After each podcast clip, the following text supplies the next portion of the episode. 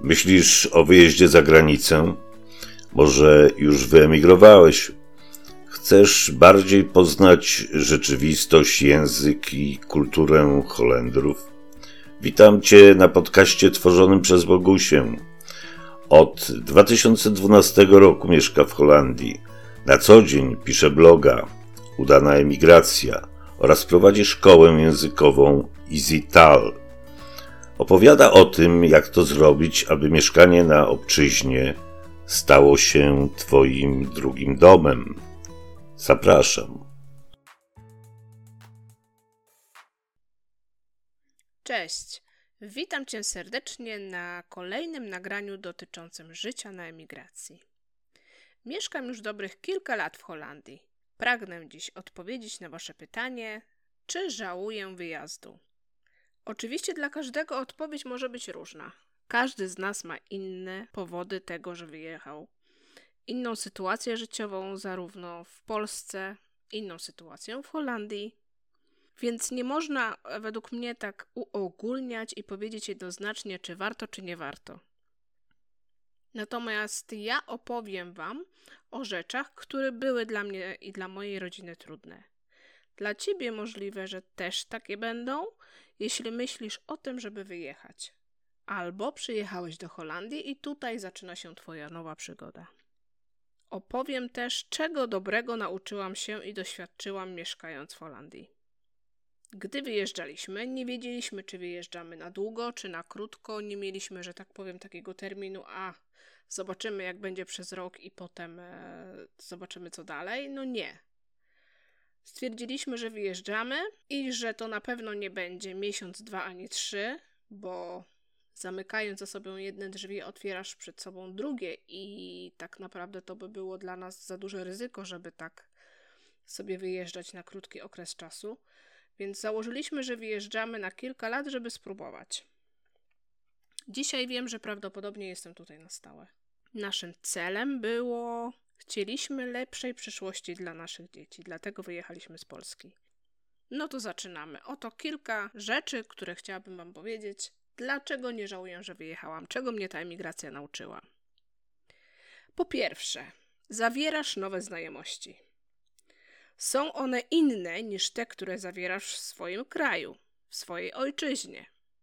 I albo ograniczasz się do znajomości prawie tylko z rodakami, bo jest ci łatwiej, bo rozmawiacie po polsku, albo jak już poznasz język, otwierasz się na te nowe międzynarodowe przyjaźnie. Często odpowiadają Twoim zainteresowaniom, dlatego są takie trochę inne, bo wymieniacie się doświadczeniami na tematy, które lubicie, które Was wspólnie fascynują i to z punktu widzenia dwóch lub, e, dwóch lub więcej kultur.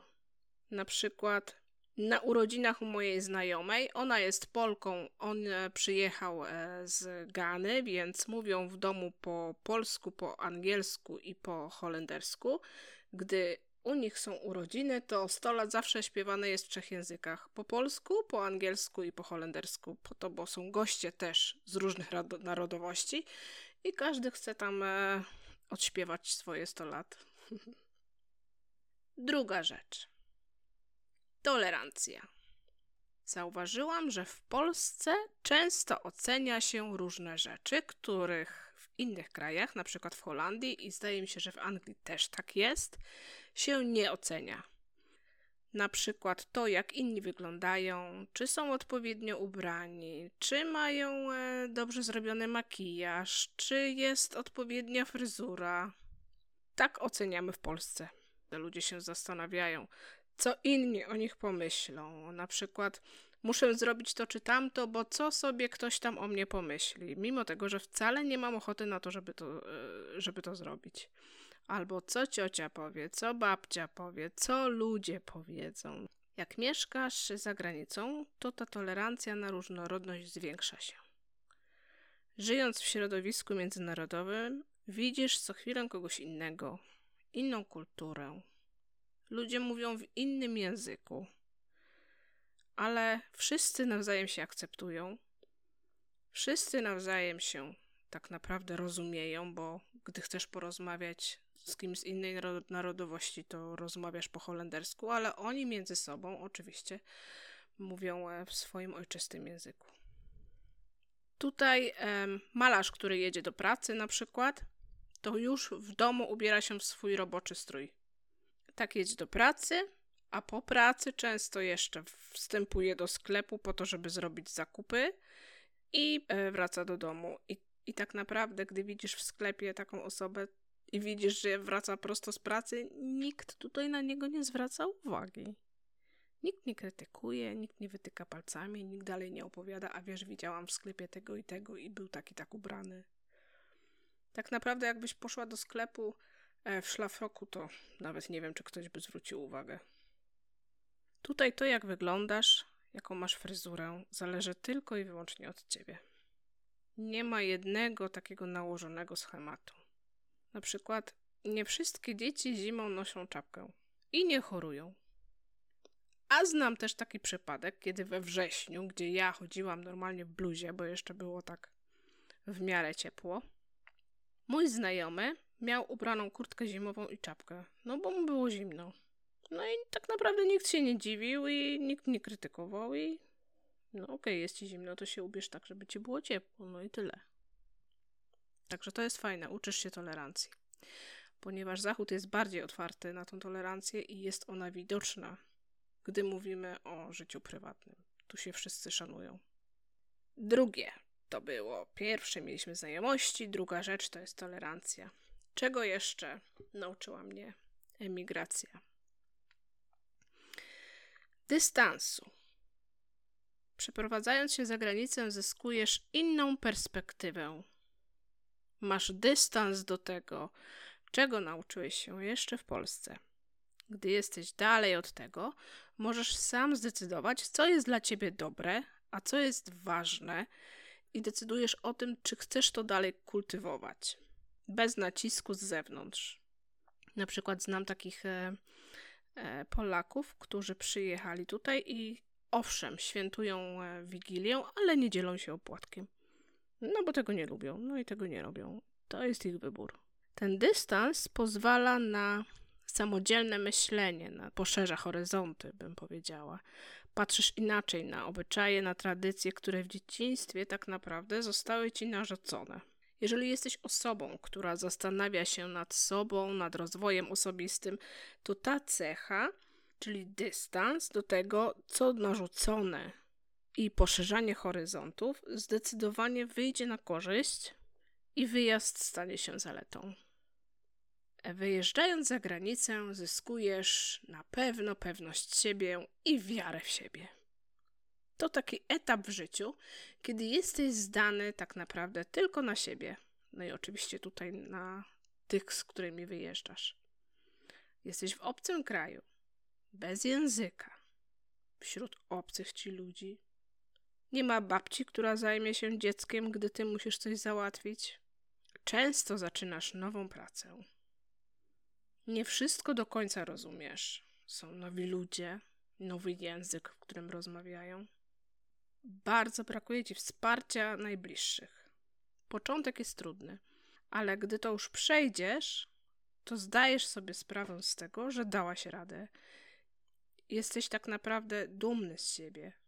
Emigrując, wpadasz w to nowe środowisko, wtapiasz się jak masło i tak naprawdę łatwiej jest, jak zaakceptujesz tą inność.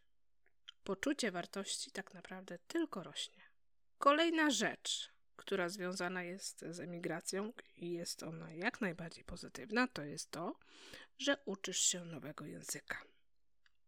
Jest to, że tak powiem, najbardziej naturalna cecha, ale bardzo ważna. Uczysz się żywego języka, nie z książek, chociaż na początku też, ale tak naprawdę chłoniesz z różnych środowisk.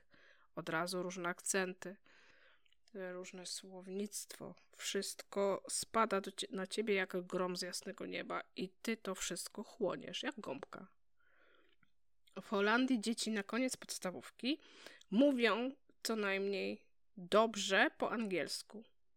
Moje znają już biegle holenderski i polski i jeszcze do tego tu dochodzi angielski. One nie uczą się z książek, mają angielski raz w tygodniu albo raz na dwa tygodnie, ale te dzieci po prostu łapią e, z telewizji, z piosenek, e, z różnych filmów, które oglądają.